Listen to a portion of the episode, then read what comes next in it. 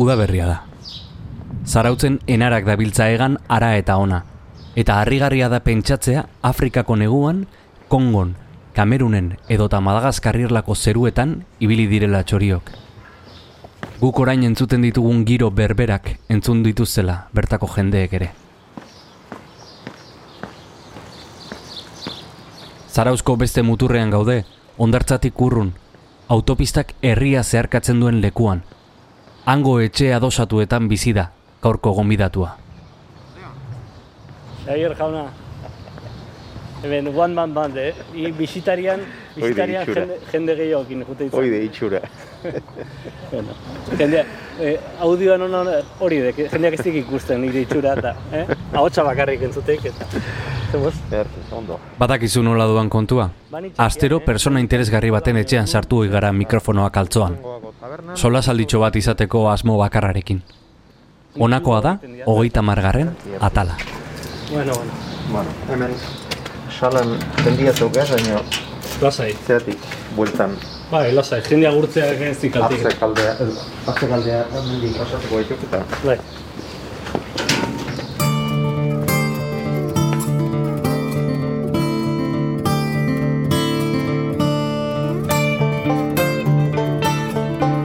Gaur barruan gauden, Xavier Euskitzeren etxean sartuko gara. Gauean andoainen nian saioa. Eta eninduan ausartu, e, kotxez joaten, eta taxian joan indoan. Seguru asko bizian e, donostian hartu dudan taxi bakarra izango zuen. Atzerrian eta ere, bai noski. Baina hemen donostian uraxe hartu izango zuen nik bizian hartu dudan taxi bakarra. Eta horretxegatik beldurrez. Eta pff, uh, gogoratze utxarekin berriz ere hotzikara eragiten zidak eta beldurra sentimentu bortitza duk. Eta batez ere gauzak esan behar dituen bat norbeitentzat. Bertsolariak askatasuna beharrik. Eta nik askatasunik.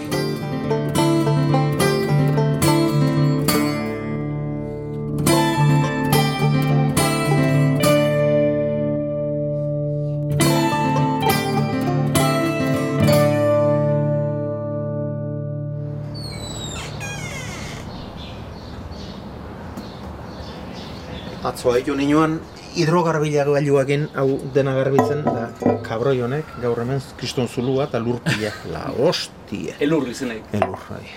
Txakurra... Elur txakurra begira dugu etxolatik. Eta eguraldi ona probestuta terrazako mailaren bueltan jarri gara. Bertan egingo dugu sola saldia. Txakurtzalea iz. bai lehen pastor aleman bat izan ginean da guakatu zanean hau ni berriz ere pastor alemana nenean da Andriak esan zidaken ze kristo zea seme alabak bat Kolombiatik bestea harreran hartu eta zea eta txakurra pedigirri duna ez da pentsature Esan itxuan, arrazoi haugazu. Eta jun, zea txakurtegira eta mestizoa bakarri ginen. Ez dek duten hemen terraza errarkak. Bai, Hau, Bai. ko- konfinamenduan nona izango ban. oso, hostia. Bai, lego politia zau gau. Arna sartzeko, eta irakurtzeko, eta... Probatu, pixkat. Ba, ba, ba, ba, ba, ba. Zemuz dago. Bat birulau, a ber, Zaltzaik. man pixkat. Ba, ba, ba, ba, ba, ba, ba, ba. Bai, Hau baino altu ez diat itzaingo. Ba, ba, ba, ba, ba, ba. bai, Vale, gero, listo. gero azerretuko aiz eta igual. ez, ez. Oituta egongo aiz, ez, ez mikrofonoak probatzea. Bai, bai. Xavier Peritz Mendizabal ezaguna da bere ez izenagatik. Euskitze. E, Euskitze baserria zagok, e, azkoitiko ormola mendin, urrategi baiaran, urrategi e, gaintxo polit batean dagoen e, baseliza baduk, baseliza, e, baselizaren e, telatu berean pilotaleku bitxi bat, eskuinean horma duena, eta taberna noski edo orain elkartea izango dela pentsatzen diat. Bai. eta handik e, urrategitik bertatik e, bost hamar minutu zaude gehienez e, oinez euskitzera. Eta handik jetxi zituen gure aurrekoak baina e, izenari eutxi egin zioten eta gure gu ni esate baterako e, euskitzen hau baina gure amaren aldeko familia oso oso baduk euskitze azkoitian. Gure ama inorentzat ez du lurdes mendizabal, denentzaduk euskitzeneko lurdes. Eta ni mutikotan joaten induan, bueno, gure bezeroak, orain hitz horrek eh, beste esanai bat hartu dik, baina guke bezero hitza erabiltzen genian, guri esnea ekartzen ziguna, etxera esnea ekartzen ziguna, zuen gure bezeroa. Eta bai, bezeru eta bezeru gaur etorrikoa, eta bueno, ba, gure bezeroa urte mordoska batean mintzat, izan zuen euskitzeko kandelari. Eta tarteka, tarteka marteka urtean lau aldiz edo ba, iruzpa lau aldiz e, egitenian kandelarirekin asto gainean euskitzera joan eta asteburua antxe pasatu. Anerrek ez dik e, e, euskitze ez izena eraman, eh? Ba, ez dik e, ez dik izango itiaren aldeko autu garbirik egin. Hmm. Saio batzuetan euskitze eh, duk beste, nik uste gehiagotan dela peritz euskitze baino. Mhm. Eh, Pena pixka bat ematen ziek niri, eh? Hai, aitortzen diat. Ta inoiz esan izan zio bat, baina eta saio honetarako zergatik eh, agertzen naiz kartel honetan. Peri, ez, ba, ez, enia ez erresan eta bereie jarriitek peritz eta nik uste eh, eskolartekoan eta Bai. gu- gure garaian eh, askoz ere autu libreagoa izaten zela hori.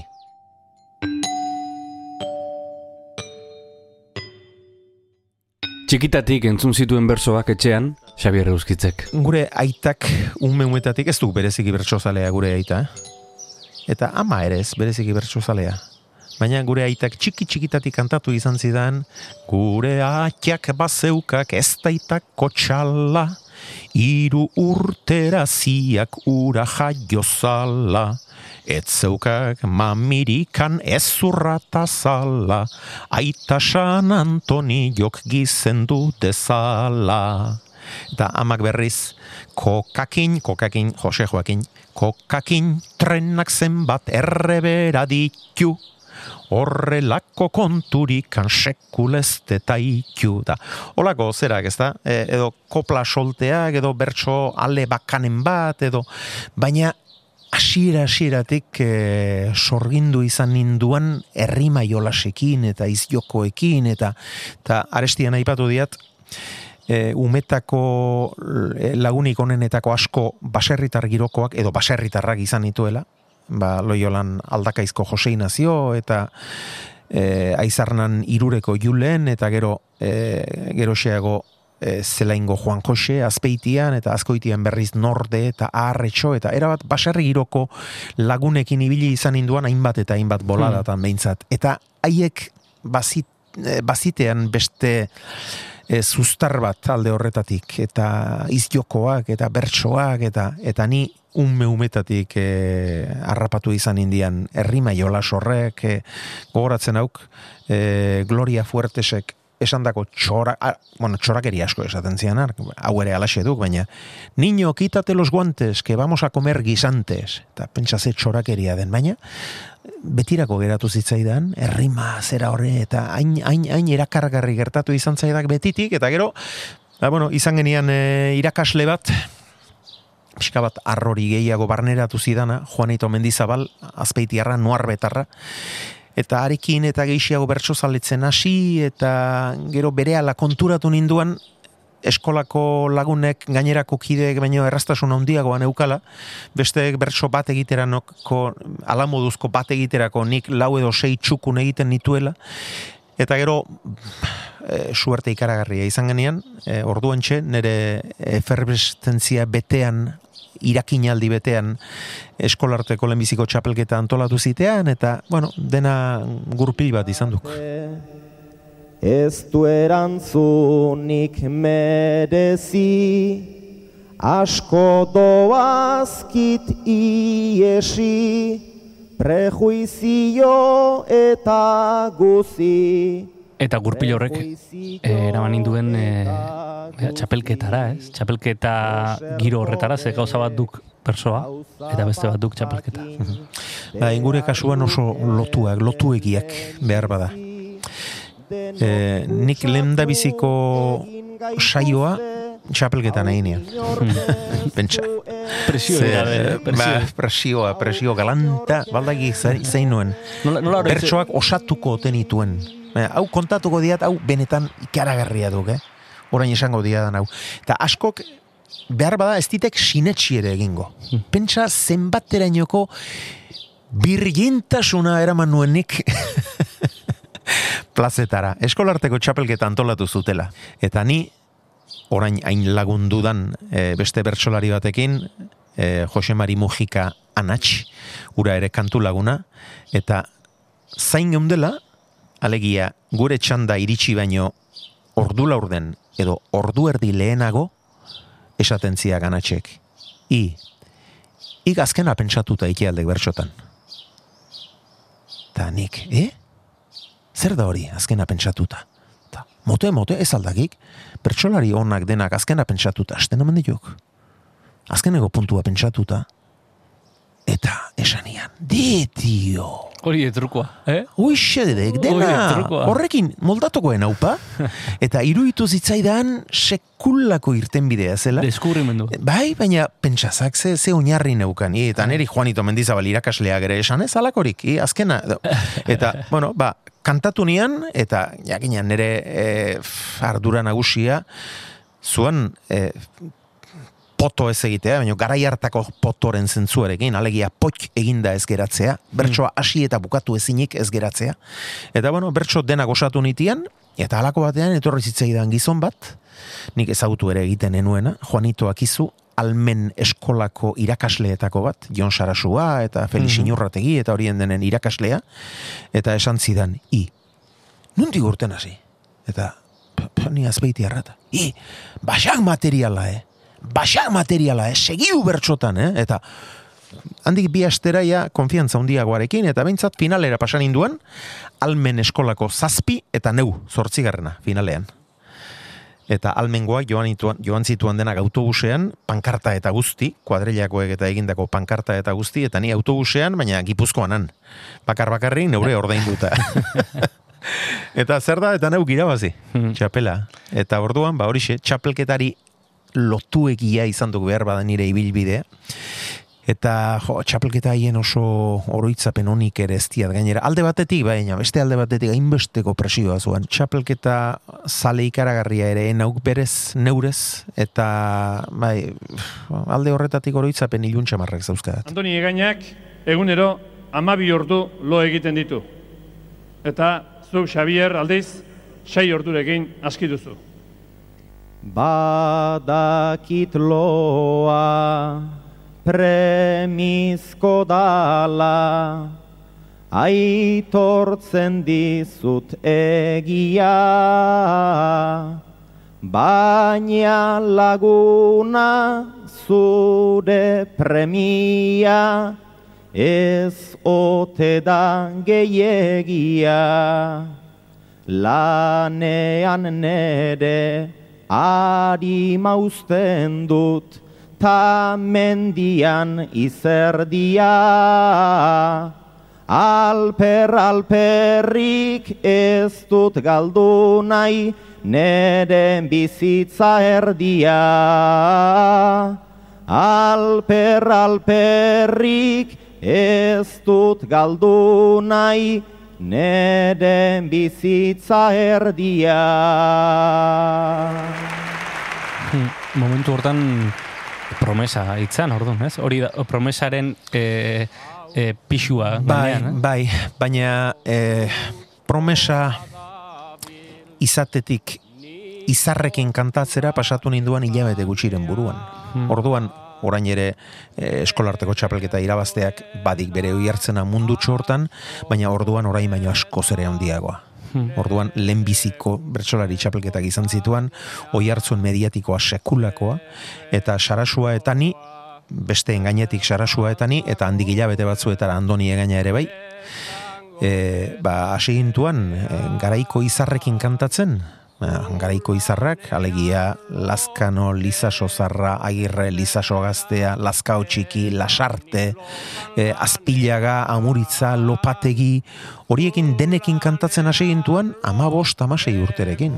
Eta jo, e, naiz eta hasieran oso oso heldugabe egon, e, ta, hainbesteko e, bide lagunak izan genitian eta hainbesteko aukera etorri zitzaiguen eskura eta hainbesteko ahalegina jarri genian guk geukere eta bere alaxe pasagintuan pentsazak e, ama bost amasei urterekin eskolarteko irabazi eta sarasuagia emeretzi urterekin e, txapelketa nagusiko finalean kantatu zian eta ni Mm. puntu, puntu terdiren gatik geratu ninduan kanpoan eta handik lau urtera ja e, bigarren eginean eta orduan oso prozesu azkarra izan du gurea. Ez zaitezela ama biorduko premiarekin itxutu Nik ametsegin baino naio dut ametsak egi bihurtu Niri mundu horrek ikaragarri eman zidak. Eta nik beti esaten diat, e, bueno, zenbait entzat kontra esana izango duk, mundu horrek hainbeste eman baldimadik eta pasiorik handien ez bizi izan duan jarduera hori izan baldimada zergatik erretiratu intzen hain gazterik. Plazetatik hogeita amabi urterekin eta txapelketetatik hogeita zazpirekin. Zergatik. Guri e, beti esan izan zidutean, basarri erretiratu zela gazterik. Basarri girurogeita amar gertu izango zitien. Irurogeitik gora bintzat, dudarik gabe erretiratu zen erako. Eta ni berriz, hogeita zazpirekin txapelketetatik, eta hogeita amabirekin plazetatik. Eta, bueno, beste garai batzuk zituan, eta presioa, txapelketen presioa, baina asko zaundiago gora bat ere bazuan, behintzat nire pentsakera zeukaten entzat, eta eta presioa baino gauza gordinagoak ere bai, beldurra ere bai, zenbait gan, zenbait lekutan e, sentitzen nuena eta esan nahi nuena esateko eta e,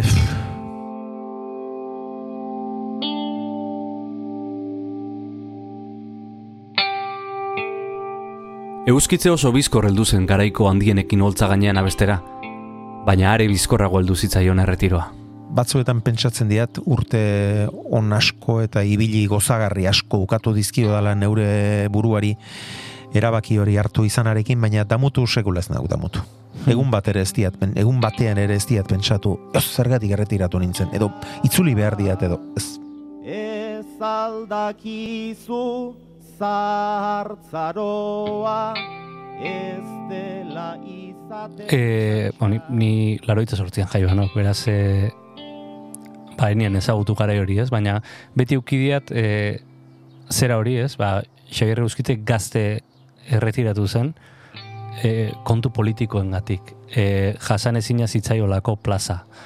E, ez dakitzen baterainoko aden hori egia, eta egia balitz e, zer gertatzen zen plazan, ez? E, horrelako e, erabaki bat hartzera bultzatzeko edo horren gaizki sentiarazteko.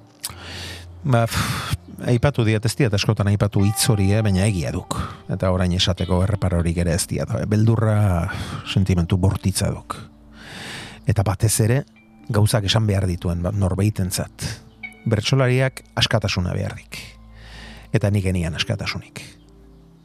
Adibide zehatzak jartzeko esate baterako. E, behin Nikola Segurola e, gai jartzaileak gure arantzazuko e, fraide hartzain eta bertsolari maiteak gai bat jarri zidan nik albistegiak aurkezten nituen garai hartan. Hmm. Astelen gaueko albistegian ze hiru albiste eman nahiko zenituzke. Eta nik kantatu nian lehendabiziko albistea eman nahiko nukeen lehendabiziko albistea aldaiaren askapena, zala. Aldaia, e, baserri batean sortu eta gerora bere e, garraio enpresa sortu zuen e, ekintzailea.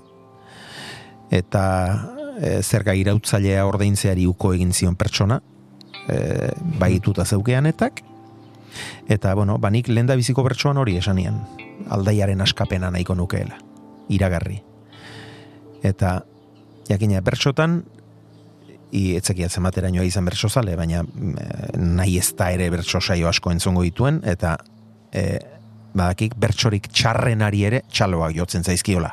Hmm.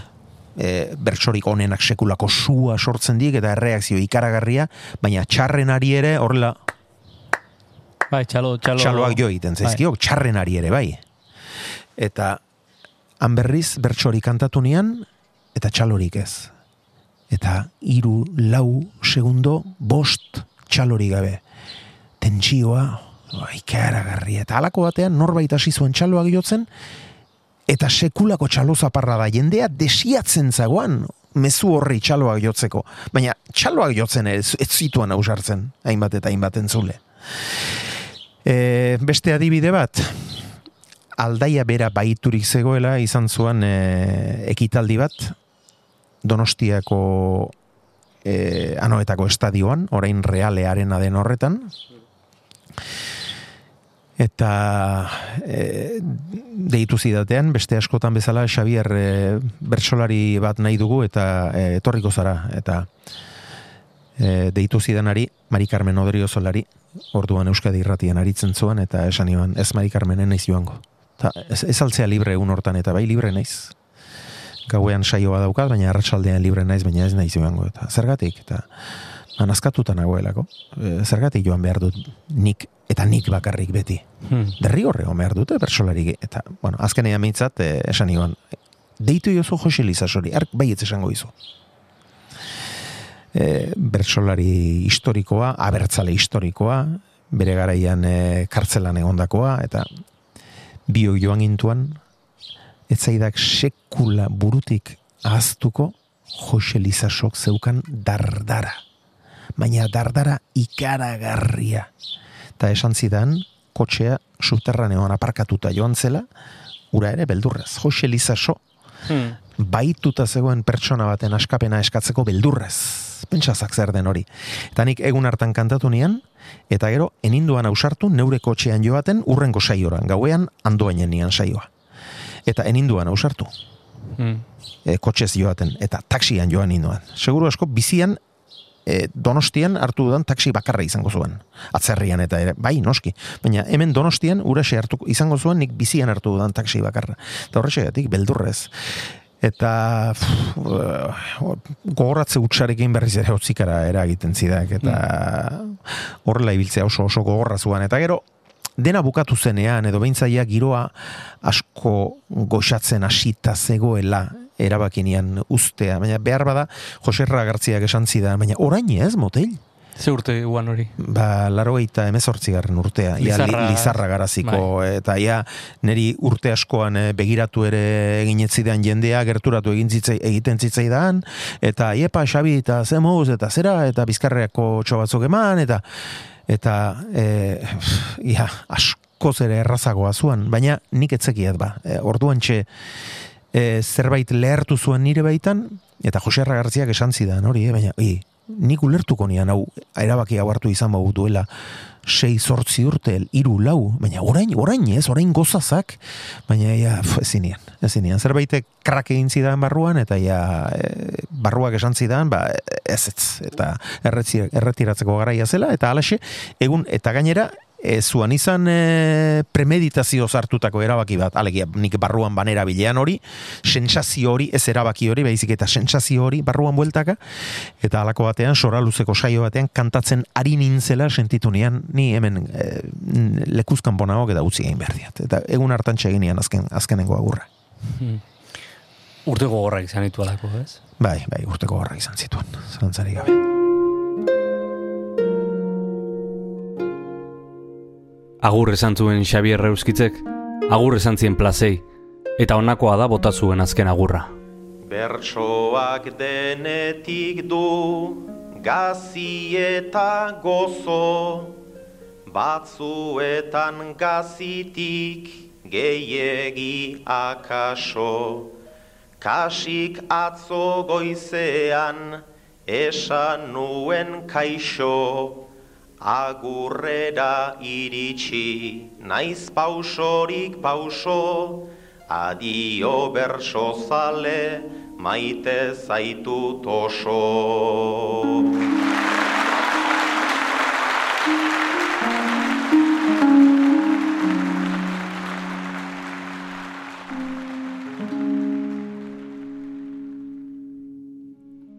Geroztik telebistan egin izan du karrera profesionala, eta galdera argia da. Nola pasatzen da bersolari bat improvisatzetik, gidoi bat jarraitzera. Jo, hau esatea gogorra du behar bada, baina nik e, mm, gazte-gaztea enauk. Ja, ekainaren bederatzien berroi eta urte. Baina, hainbeste urteko bizitza, hainbesteko kurrikuluna, eta erabaki kontziente oso gutxi hartu izan diat. Eraman egin naik urak. Ba batean, ba, bai, eh, Aukera sortu, ez? bai, eskura etorri edo mm, eskaini eta ba bale, ba aurrera eta alaxe, bueno, era, lehen da biziko autu batzuk izan itian, eskolarteko txapelketan izena ematea eta kantatzea. Eta gero, amazazpi urterekin, e, Euskadi irratian norbait behartzultela kiroletarako, eta antxe aurkeztu ninduan, xalo-xalo. Eta, bueno, ba, han ere, e, suertea izango nian, edo, bueno, e, zerbaiten, e, zerbait ikusiko zidatean, noski, eta e, ba, ba, baietz, e, ni nahi nindutela, eta alaxe hasi ninduan Euskadi Irratian amazazpi urterekin esatari, pentsazak zemat urte pasatu diren, lauro gehieta iruko kontu ezari nauk. Bai, bai. Eta gero, ba, bueno, Euskadi Irratian e, jarraitu nian, soldadu joan arte, soldadu bukatu eta berriz ere irratian hasi ninduan, e, kontratutxo e, kaskarrekin, eh? baina, bueno, E, bai, ez haut imaginatzen soldadu, eh? Zaila itezaiak imaginatzea. bai, izan ninduan, bai. Xager euskitze soldadu. Bai, bai, egaina ere izan zuan, eta bai, bai. Bai, gogorra gainera urte bete, ikaragarri gogorra nik. Banitien batzuk bat ere sufritu ez zutenak, baina niretzat oso oso urte bete gogorra izan zuen. Eta, bueno, ba, soldau egon, eta ura bukatu, eta etorri, eta gero, irratian eh, lanean ari nintzela, udako ordezkapen batzuk eta egiten, oporretan zegoen jendearen ordezkapenak eta egiten ari nintzela, e, mila bederatzen eta laurogeita zazpiko abuztuan, alako batean, e, e, telebistatik deitu dute. E, gazteen saio bat egin nahi dutela eta bi aurkezle nahi omen dituzten, eska bat eta mutil bat. Eta bi altzeko jendea. Eta alaxe, ze joango algara, eta joan gintuan batzuk, eta han ere, ba, bueno, zerbait, e, zerbaiten grazia edo harrapatu zidatean, eta babaietz. Gehien bat eskaini dizkidaten gauzetatik egin izan diat aurrera.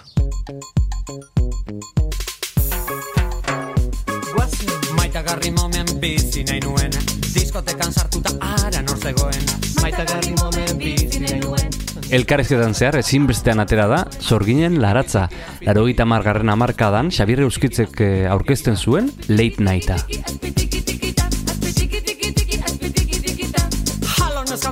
Mikel Elizegik, e, hori nire putada bat izan nuen. Bai.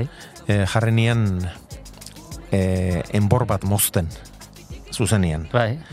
E, mugertza anaietako bat gaztena ekarri genian, eta ark moztu zian e, kana erdiko bateo, amaika urteo zizkian, eo, kana Mhm. erdikoa egual izan, izango baino, enbor dezentia, dida baten moztu zian, eta gero elizegi jarri nahi nian, ba, e, zera, beste enbor ba mozten zuzenian, eta jo, hasi ondo hasi ban, Ino gero ian ekatu zanen koordinazioa eta dana galdu zizkian, eta Jose Mari Olasa hasti ginean, beste Bai. gonbidatu bat, eta are geltze zioan prakatatik, hola, gerrikotik geltze zioan, zutik eon zedin, Bai. eta ez zitzian apuntatzen. Eta koordinazioa guztiz galduta, eta el, elizegi, apunta hau, elizegi, apunta hau esate zioan. Etzianian hankamoztu. Eh? Eta bai, bai, eta i, ura bukatu ziren, eta handiko gehi minutura zeukean beste esketx baten parte hartu beharra elizegik. Ura bukatu, kriston pasara hartu zian, botakain, hartu zuen pasarakin, botakain, erropak aldatu, makilatu, eta beste esketx bat aurkeztea. Hmm. Eta, ostia, bai, han, ua dena kontatu izan bagendu. Bai. Hori, bitu, gaurko, gaur galdetzeko zerrendan manian, ez? Sorginen laratza, eta beste hainbat gauza, ez? Baina sorginen laratza late night bat, lehenengo late nighta euskaraz, ez? Olako formatu, esango Bai, dugu. bai, formatu hortan bai. Formatu hortan eta ordu hortan bai. Eta gainera ja Euskal Telebistaren lehenbiziko kateak ja gaua erabat galduta zeukala abiara, abiarazitakoa. Ze, ze eredurekin egin zen duten formatu hori? Bueno, e, atzerriko ereduak eta bagenezkian estatuatuetakoak eta baina e, gure eredurik gertuena elterrat izan nuan e, katalanak, ba, Mhm. Buena Fuente eta Kuadrille hau eta hauek artean ere ez zuan hain globala telebistaren mundua eta orain ba, bueno, e, Kataluniako telebista eozein lekutatik eta eozeinek ikusi zezakek, baina orduan oso ez ezagun hauan hemengo jendearen zat, baina bueno, guk ere dura desente jarraitu gere ja. Bai. E, orain etxeok, e, late nightik, ez? Euskaraz etzaok eta gainera ez du gerresa, eh? Hmm. Ez du batez ere e, aitortu behar zauk sorginen laratzari sekulako baliabideak eskaini zitzaizkiola. Eta gaur egun alako aurrekontuarekin eta alako gidoilari aktore e, redaktore talde batekin e, proiektu bat gauzatzea nik uste pentsa ezina izango litzatekeela.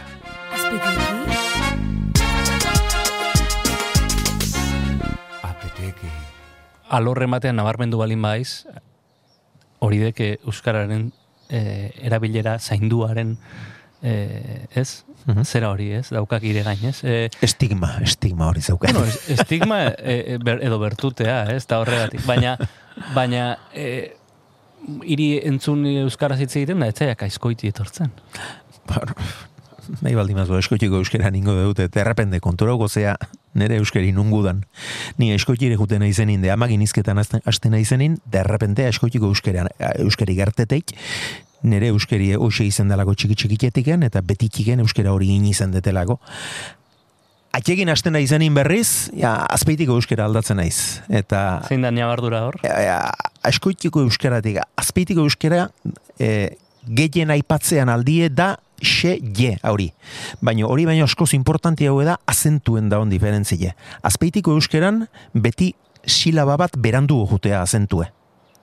Eta hori da oso oso nabarmena e, gertatzeana azpeitiko izkeran. Eta orduan, ba, bueno, ni e, ama azkoitiarra dia eta ita azpeitiarra Bai. bietan bizi izan nauk eta nik e, bi euskara horietan azitakoa nago, baina aldi berean gure ama gure ama euskitzeneko lurdes duke emakume izkilarriz jarri beharrekoa, emakume miresgarri bat. Hmm. Zentzu askotan e, gizabalioetan eta hizkuntzari dagokionez eta oso oso aurreratua bere kasa alfabetatzen eta saiatutakoa garai urrun haietan Euskara batuaren kontzientziaren e, kontzientziaz bere alaxe ohartu zena. Euskara baturik izan zedi baino lehen nerekin jolas egiten zuena Xabier gaur eni ama izen berrien tolosako izeko izango naiz. Eta Euskaraz ingo deu baino tolosan ikeben bezala. Eta harentzat ba, zeintzen batua ba, tolosako izkera tolosako Euskara Euskara garbiaren zera hori izan Mm. beti tolosako Euskarak eta eta zein ziren gure eredu ba, irrati sartzen zen Euskara ura, ba, herri irratietik eh, entzuten genituenak, ba, eh, Josemari Iriondo eta Carmelo Otaegi, eta, eta orduan, bani, ume umetan, bost edo sei urte izango nitian, eta orduan, amarekin saiatzen induan, gure jolasa izatenuan tartean, tarteka, ba, tolosako euskaran hitz egitea, euskara baturik ere izen hori ere ez genian ezagutzen, baina tolosako euskaran hitz egitea izaten zuen gure jolasa. Eta bueno, ba, e, amak sartutako arrori eta kontzientzia hori e, indarrez e, ernatu zuan nigan eta biztan denez e, indartsu segitzen dik. Baina ire, ire erantzun gailuan, bestelako euskara zagok. Bai, Zein, de, zein dek ire erantzun gailua?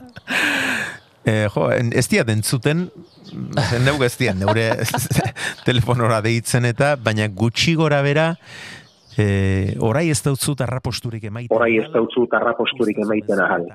Gustazu mezua eta ni haurek dituko zaitut ahal bezain fite. Ja, hori baldakik nondik datorren. E, gar, garai batean asko joaten induan estatu batuetara.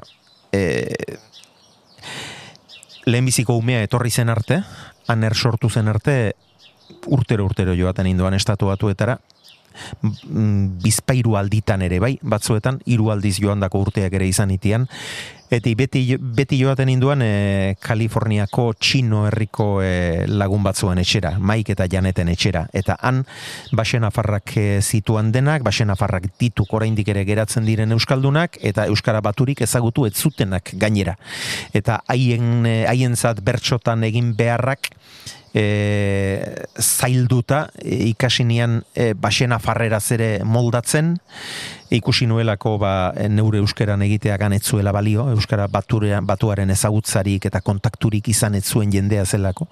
Eta orduan, ba, basena farreraz bertsotan egitera eta ere horrek eraman indian, eta halako batean, han hilabete pasatu eta gero, etorri ninduan, eta e, erantzun gailuan mezua grabatu beharra. Eta naturalen hori segirteten zitzaidan, hilabetez basena farreraz mintzatu eta gero. E, ba- baina erakutsi duk interes batez, e, zenbait hitz e, beste euskalkietatik e, erabiltzera e, pe- pilotan ere z- hainbat hitz normaldu dituk e, iri esker, ez akaso e, bestela etzianak erabiltzen hemen. Eh? Bai, eta pixkanaka pixkanaka nik uste normaldu egin dela hori ere, ba, bueno, erabileraren poderioz e, belarriak ere ohitu egiten dituk, eta baina hain gaituk zokormazoak eta hain gaituk eh, aldaketen aurrean eh, elkorrak eta eoskorrak eta tematiak nik gogoratzen hau gizon batek ze purrusta egin zidan partida partida esaten hasi nintzelako. Eta ik lehengo bertso zaharrak, bueno, eh, noski, eh, muga pasatzen du, edo Nafarroara joaten nahi, mugarik pasa beharri gabe, eta partida esaten ditek. Ez mus partidarako bakarrik, baita pilota partidetarako ere. Edo lehengo bertso zaharrak hartzen dituk, eta pilota partida bat irungo herrian, eta aldaketa xume horrekin ere purrustadak eta gero ba, bueno, pumpa eta eta edo e, bizkaiko jagia edo edo itzel edo eta hain normaltzat hartu beharko genituzkeenak fo, askorentzat hain askorentzat benetako euskara duk eh, norberarena eta hortik aurrerakoak ba, ba, exotismoak eta luzimendurako aleginak. Horrek zabaltzen dik, ez da interesgarri bat, ez? Eta dek, azken aldian oso bogan egon dena euskal komunitatean.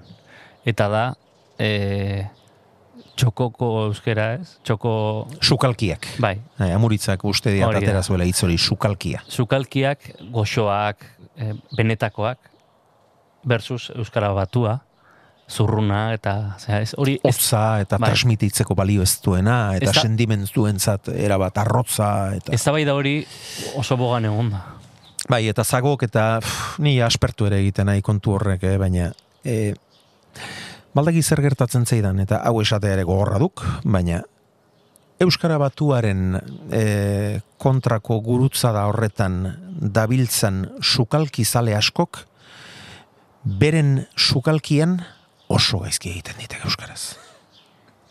Oso gaizki, benetan, benetan, nik ikusiko banu benetan oinarri handiko hainbat jendeari dela e, bueno, ba, bere argudio e, sakonekin eta ongi arrazoituriko argudioekin eta zer eta baina askotan ikusten diat e, Euskara batuaren kontrako borroka horretan norberaren Euskara menderatzeko ahaleginik egiten ez duen jendea.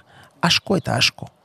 Eta e, niri sen, sentimentuak transmititzeko ere ez bat ere balio e, asko maite izut bustidurarekin esateak. Hmm. E, neskarik ederrenak esan da ere asko maite izut esango balit ba etzen etzegian ik zenbateraino emozionatuko goten intzateke.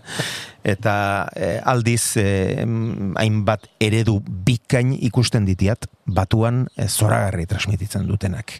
E, esate baterako Angel Alkain Hmm.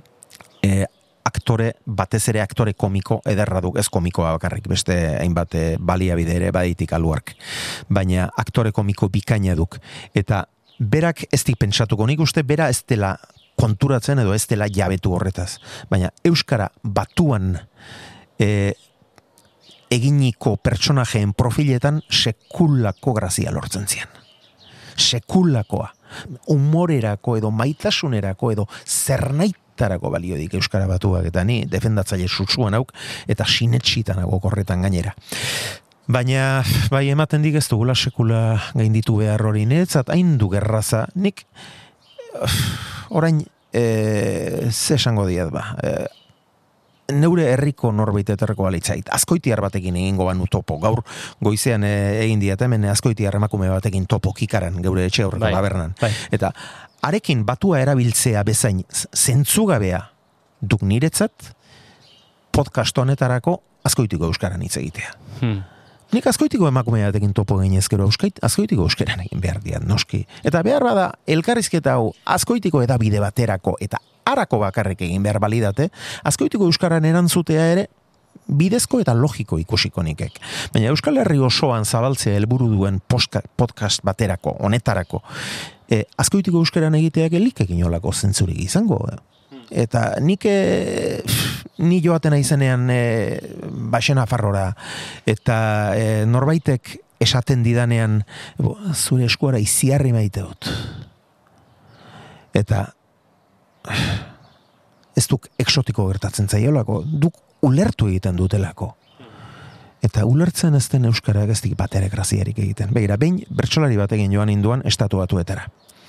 Ni ordurako ja denbora askoan ari ninduan, e, baxena farreraz bertsorat, bertsotan egiteko ahaleginean. Ez batuan, euskalki batean ari ninduan Bai, bai. ahaleginean, han hori eskatzen zuelako, egoera soziokulturalak. E, ez nauk beti batuaren bila ibili, ez ni komunikazioaren bila ibili nauk. Eta komunikazioak eskatzen baldimazidan, exikitzen baldimazidan, euskalki jakin bat lantzea, han baxena farrera lantzea eskatzen zidan moduan, hori landu egin izan diat. Nirekin joan zen bertsolaria berriz, aritu zuanan bertsotan deusetaz ohartu gabe, lehenbiziko pixitazian, eta behar bada horregatik izango zuan, baina e, aritu zuan erabateko askatasunez, e, haiek euskara baturik edo gipuzkerarik sekula entzun ez dutela konturatu gabe. Eta amaitu genian saioa, eta etorri zitzaiguan gizon bat, seinan gaztelu berri, eta esan ziguan. Bo, iziarri polita zen, domaia deus ez duela komprenitu.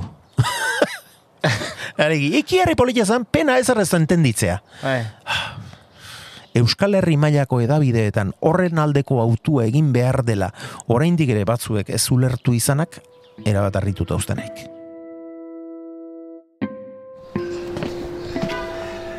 Bueno, hemen teklatua faltadek, Piano, piano jotzek? eh, ez anerrek, Anerrek. eta Une batez terraza utzi eta egongelan sartu gara. Bertan ditu altxor guztiak gordeta, euskitzek. Txapelak eta izango ditu. hau, txapelak eta etzekian nire txapela nun daudeni. Pentsatzea dazkoitean egon goiala. Utzita. Eta mordoska irazinean, eh? Horregatik, horregatik. Hauen la letxe, behiratu behar diat. Beitu, haudek, eh, ezkondun izanean, Josean Tolosa gehintzian oparila. Ara. Beak pelota honekin irabazi zian Julian Retegin kontra final historiko ura. Abitu. Eta gero pentsatu nian, ostia, honentza zerbait in behar diat, eta azpeitiko tallista batek, Mikel San Juan izeneko tallistak e, intziaken hau, e, zea, e, esku hau. Behitu haindik ez ze hots daukan pelota honek. Ze harri koskor. Jo, desde luego. Eta gero hemen zeuzkeat, ba, beste hainbat harri hau e, koteto ezkurrak erregalatutako remontiadek, angoiko saskiura Iñaki goikoetxeak erregalatutakoa, e, hau gaiastegik erabilitako pelota, bere garaian, erabat ja larrua eta kenduta, puskarik handinetan eta, baina gaiastegik erabiltzezun pelota, eta hauek berriz, atano hirugarrenaren eskuak, brontzian. Jo. Bai? E, aurretik e, gure azkoitiko lagun bati burura etorri zitzaioan, jo, hil aurretik atanon marinon eskuek bonontzien inbergi txikik. Eta bai ingo aldeute, no, zeini esango ginoke. Eta zehai esan berko zu hau, usini, hor Luis Uzineo izeneko bat badek, zea artista bat azpeitiarra, martxea Luzin e, famili aberatz hortakoa, baina seme bohemio artista bat eta ari esan gitxoan, eta, bueno, naizian, atano hirugarrenaren eskuak gain eta azpi hartu. Baina gain eta azpi hartzeko, atanok kapaz izan behartzian eskuei buelta emateko, eta ez zuan, ezin zian. Justu, justu hola ukitzeko kapazuan. Eta orduan, ba, bueno, ba, gaina bakarrik, eta jarri zian buztina, moldia ikeko, eta buztina lehortu bitartian, ba, pixkatian zaion ber, Bai. eta zerbait esan behar da esan itxoan. Nio marino. Bai, esku txikizek. Eta esan zian, ja bozik ez zaukean, esan zian. Lehene ala ituan da.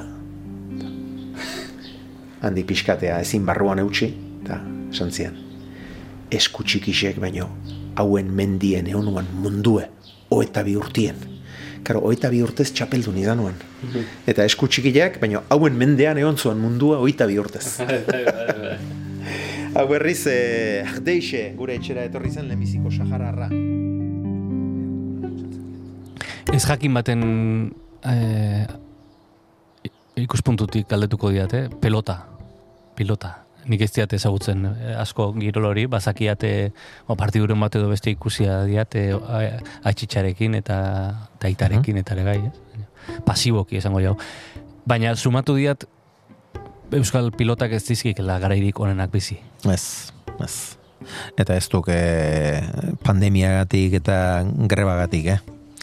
Pandemiak ez ziokonik egin noski, ia gero jendearekin eta itzulera nolakoa den eta ze, ze indarrekin itzultzen diren zaleak eta zen urritan pilotalekuetara greba bortitz eta tamalgarri bat ere izan duk tartean baina aurretik zetorrek. Ez du gerraza ez du gerraza pilota getorkizuna izatea. Pilota eh, ezkerpareta baino askoz gehiago duk. Nik pixka bat euskalkiekin egiten diat konparazioa euskalkiak izatea sekulako aberastasuna duk. Euskararentzat, baina aldi berean koskak ere badituk hainbat gauzatarako. Eta pilotak ere dauzkan espezialitate guzti guztiekin ikaragarrizko aberastasunadik, baina gero e, denek arrakasta izatea ezinezkoa duk gaurko mundu honetan, bat bakarra bultzatuz gero e, aberastasun ikaragarri bati uko egiten ari aiz, eta behar bada egoak mozten ere bai. Denetan indarrik handiena duena eta mediatikoki e, bultzadarik handiena jasotzen duena ezkerpareta duk eta hori ere asko ahulduta eta erkinduta. Nola, Orain, nola pasatzen duk e, frotoiak bete-bete egotetik e, ustera? Da, bueno, ez duk hain e, ere era bat horrela ere izan, eh? Orain dela hogei urte titin e, sasoi bete-betean zegoenean e, egun da berroita amar e, ikuslerekin jaialdi asko ematen genitian. Hmm. E, eta oraindik ere sarrera on asko izaten dituk. Baina e, pilotari kopurua, pilotari profesionalen kopurua garaibatea baino asko zere murritzagoa duk. E, pilotari profesionalen ibilbidean gero eta laburragoa izaten duk. Eta gainera, ibilbide murritz horretan e, bigarren mailakoen soldatak oso oso ala moduzkoak dituk. Hmm. Eta azkenean ba, datu horiek dena kontutan hartuta ba, ikusten duk e, hmm. e, zertaragoaz, nola goaz, eta gainbehera honi nola eman irten bidea. Telebistaz eta audientziek txukun eusten ziotek, e, nola baiteko pixu soziala izaten segitzen dik ezkerparetak. Zesta punta erremontea pala gero eta e, testimonialago bihurtzen ari ditu museoko pieza gehien gehienak, beste batzuk mm. jada bihurtuta. E, eta ezkerparetaren etorkizuna ere ez duk e, oso koloretsua geri. Baina tira, e, ari dituk, e, lan isile egiten hainbat eta hainbat norbanako hainbat klub, Gipuzkoan e, loraldi dezentea bizitzen ari gaituk, baina Euskal Herri mailan eta ezkerparetako eskupilota ere etzagok e, trenpuriko berenean. Saharaz galdetu nahi nian ere, ezinbestean. E, Sahara utzelkarteko mm, arduragunetako bataiz. Uh eta lau katu gaituk. Bat, bi, iru eta lau. Laura. Elkarte txiki txiki txiki bat, e, erreleboa zailtzagok gizarte kontu horietan ere oso oso zail, baina tira, aldu neurrien e, eustentzioago. Komprometituta, ez? E, e, Saharako kausarekin, orain gainera notizia izan da, albiste izan da, ez? E. Albiste nahiko bueno, Madrilen nahiko zentrora eh, joan da gaia. Bai, bai, bai. Eta batzuetan zenbait albiste pentsarazten ditek, jo, itxarupen izpiren bat egon daiteke eta baina ez ditu benetakoak. beste kristalen batean eh, errebotatu eta iritsitakoak eta izaten ditugu, baina bene-benetako argi izpirik ez du, ez du iristen eh, Saharari da. Eh, aktore nagusiek ez dutelako egoera eh, aldatzeko inolako asmorik, eh, estatu batuek, Frantziak, Espainiak berak ere ez, eta Maroko eh, dena delako dagoen lekuan dagoelako daukan botere e, geoestrategikoa daukalako. Ta, hmm. e, Sahararrak berriz e, irureun mila lagun dituk eta oso, oso zarata txikia ateratzen dite, basamortuan zaudek e, mediatikoki deus ez dituk, orduan e, nori eragiten dio buruko minik? Bost urtetik behin alako zaparradaren bat etortzen du, baina egoera errotik aldatzeko, erreferuntun bat egiteko e, benetako urratxik ez diegu ikusten, ez da arrastorik ere ez gainera, benetako urratxera arrimatu deitekeen ezerre ez diegu ikusten, eta eta hori ere aipatu ditugun beste zenbait mundu bezala hiltzen ari duk. Solasaldia azkenera iristen ari denean, berriz ere bersolaritzaz hitz egiten hasi gara eta horretarako galdera hipotetiko bat bota diogu. Demagun eh, ariketa gaizto bat egin da. Orain oraingo egoeran eh, gaudela, ez? Eh, 89 dela eta oraingo egoeran gaudela. Eh, 89 eta oraingo egoera. Bertsolaritza bertsolaritza utziko uke. Ez. Ez, ez, ez. Ez da pentsatu ere.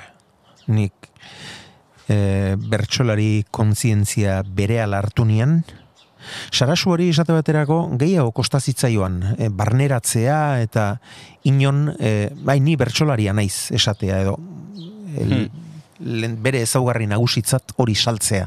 Nik berriz e, eh, lenda biziko txapelura irabazi, herriz herri ibiltzen hasi eta ikusi nian nik zerbait izan nahi baldin badut mundu hontan hori izan nahi dut bertsolari. Eta lortu nian, eta lortu nian niretzat ba, hain eh, figura mirestuak ziren haiekin kantatzea. Pensa, e, ustapiderekin enian kantatu, baina ustapideren zat bai, berari kantatu izan nion, basarrirekin saio bat egin nian, Gero txapela eskaini izan iban basarriri, baina ez nian irabazi txapelik. baina basarrirekin, e, guraia oso zahartuta eta nimutikoa, eta saio bat egin nian, e, ez hola, saio ofizial ofizialare, baina e, iparraldeko bere kantukide izan dako baten omenaldira joan, eta nik saioan parte hartu, eta gero bazkal ondorenean elkarrekin bersotan. E, egia duk... Basarrirekin, eta basarri txirritarekin kantatutakoa zuen.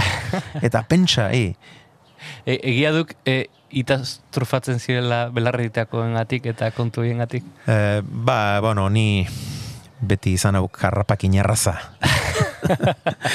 ba, pertsolarietan e, beti eldulekuak e, behar izaten dituk, ez da? Eta nik e, belarritakoa jarrinean, ba, bertso munduko hainbat eta hainbat aktore artean hori e, iresteko prestatuta ez zeudela. Bai. Pentsazak hori baino gauza simpleagoa txomin garmendiak behin bertso egun batera joan induan larruzko e, kazadora batekin eta larruzko txupa de, bai, esaten genuen bai. nahietako batekin beltza. Gainera, gogoan diat, gero lapurtu egin ziate laura. e, antiguako ondartzan kotxe aparkatu den eukala kotxe barrutik lapurtu ziatela kristala utxita. Bai. Eta arekin joan induan, eta saioa bukatu eta gero, esan zidan txomin garmendiak, serio, serio. Euskitze, bertxotan grazie harren aituzea gaurre, baina oizta bertsolari nitxura. eta handik e, oso denbora gutxira gero ja belarritakoa jarri eta lenda biziko saioa belarritakoarekin mutrikun eginean. Eta lazkao txekinian kantu lagun. Eta jakina beldurrez joan induan. Eta? Eta e, lehenbizi afaria egin genian, eta ni afaritan jarri ninduan estrategikoki lazkao txikiren ezkerraldean. Ark nere ezkerreko belarria ikuset zezan. Eta etzien ikusi. Eta gero saiora joan gintuan, eta eserin ninduan estrategikoki bere ezkerraldean. Baina halako batean, ba bueno, saioa aurrera, eta ni ere erlaxatu egin ninduan, eta halako batean puntutan ari ginela, konturatu ninduan, betik gora begira ari zitzaidala, oso modu susmagarrian eta pentsatu nian, adios, harrapatu nahi. Eta alaxe botaziak, zertako ipinirek belarritakoa. Eta gure izan zuan, nire belarritakoari kantatu zion lenda biziko bertsolaria, eta gero zen urtez, ba, buf, bai, bai. Eman zian zer esana belarritakoark. Orain bageunden ertzen nuke utziko bertsolaritza. Ez, ez, ez, ez. Nik beste hain garai bortitzak izan espalira eta bertsotan e, sentitzen nuena neure pentsakera, neure iritziak, neure hausnarketak partekatzeko askatasuna izan banu nik sekulaenian utziko. Orain izango nikek, baina ja bertsotarako bintzan nire aroa joan aduk. neure kasa oraindik ere asko kantatzen diat. Eta nik gainera... Noiz, noiz kantatzen duk? E, noiz nahi, e, dutxan kantatzen diat, e, etxean inorrez dagoenean, e, bakarrik usten nautenean, ez ditu, e, momentu asko izaten, asko gehitu eta, baina e, inorrez dago etxean, eta benga orduan txe. Eta normalean, neure buruari, e, e, alako agindurik eman gabe, eh? sekula ez dian neure burua behartu bersotan egitera ez, ba, berezko zaletasun ikaragarria izaki, eta orduan ba, konturatu gabe hasten hau kotxean kilometro asko egiten diti hartu oraindik ere, milaka kilometro urtean, eta kotxean noanean ere, eta askotan bakarrik ibiltzen hau gorain, e, tolosa erretiratu zitzaidanetik, hmm. eta orduan kotxean noanean ere askotan joaten hau bertsotan, gehienetan ganora undirik gabeko jarduna izaten duke. Igual, azkeni pentsatu gabe. Eh, hori hori galetu berrian. Lehenbiziko estrenaldibura egin aurretik bezala, azkenik pentsatu gabe. Ea azkenak pentsatzen dituko.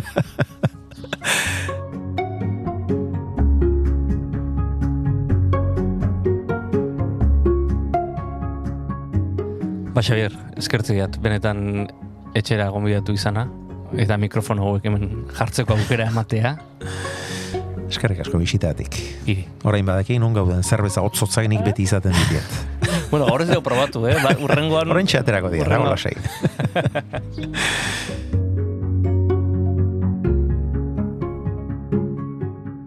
Atera gara Xabier Euskizeren etxetik, amaitu da aste honetako barruan gaude. Datorren ostiralean beste persona interesgarri baten etxera sartuko gara. Barruan gaude Ulu Mediak ekoizten du EITB Podcast plataformarako eta gogoratu Spotify, Apple Podcast, Google Podcast edo zure audio plataforman arpietu zaitezkela. Alaber, Twitter nere topatuko gaituzu abildua barruan gaude kontuan. Gehiagorako gogoarekin gelitu baldin bazara, Juan González Andrés lankide eta lagunak egiten duen estamos dentro ere dastatu dezakezu, saio honen aizpa bikia dena. Besarkada bat eta horren arte. Naiz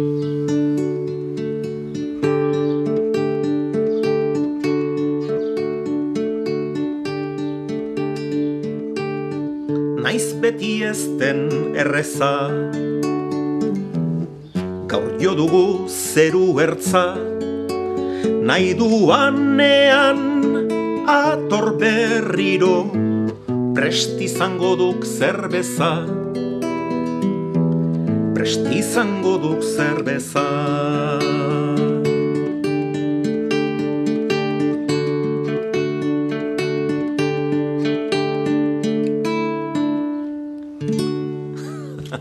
Improvisatu da, eh?